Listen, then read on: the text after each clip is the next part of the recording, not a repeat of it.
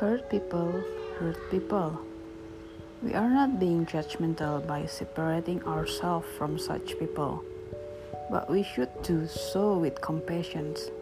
Compassion is divine as a keen awareness of the suffering of another couple with a desire to see it relieved. People hurt others as a result of their own inner strife and pain. Avoid the reactive response of believing they are bad. They already think so and are acting that way.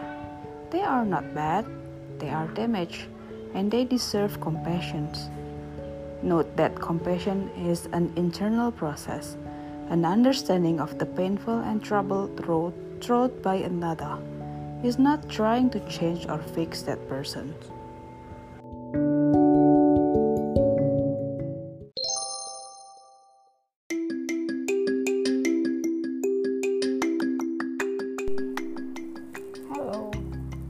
Dokter Uci sekarang di sini Dokter Rehab Medik.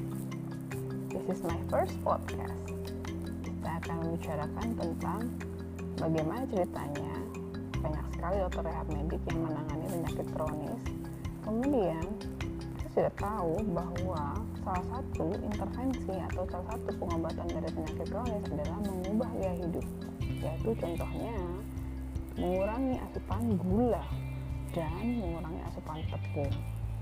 Tapi lebih susah jawabannya setiap kali dikatakan ayo kita kurangin gula atau ayo kita berhenti gula bilangnya susah. Jadi sebenarnya ada di mana? Diri kita itu lebih sering untuk menghindari kata susah. Itulah yang terjadi pada manusia.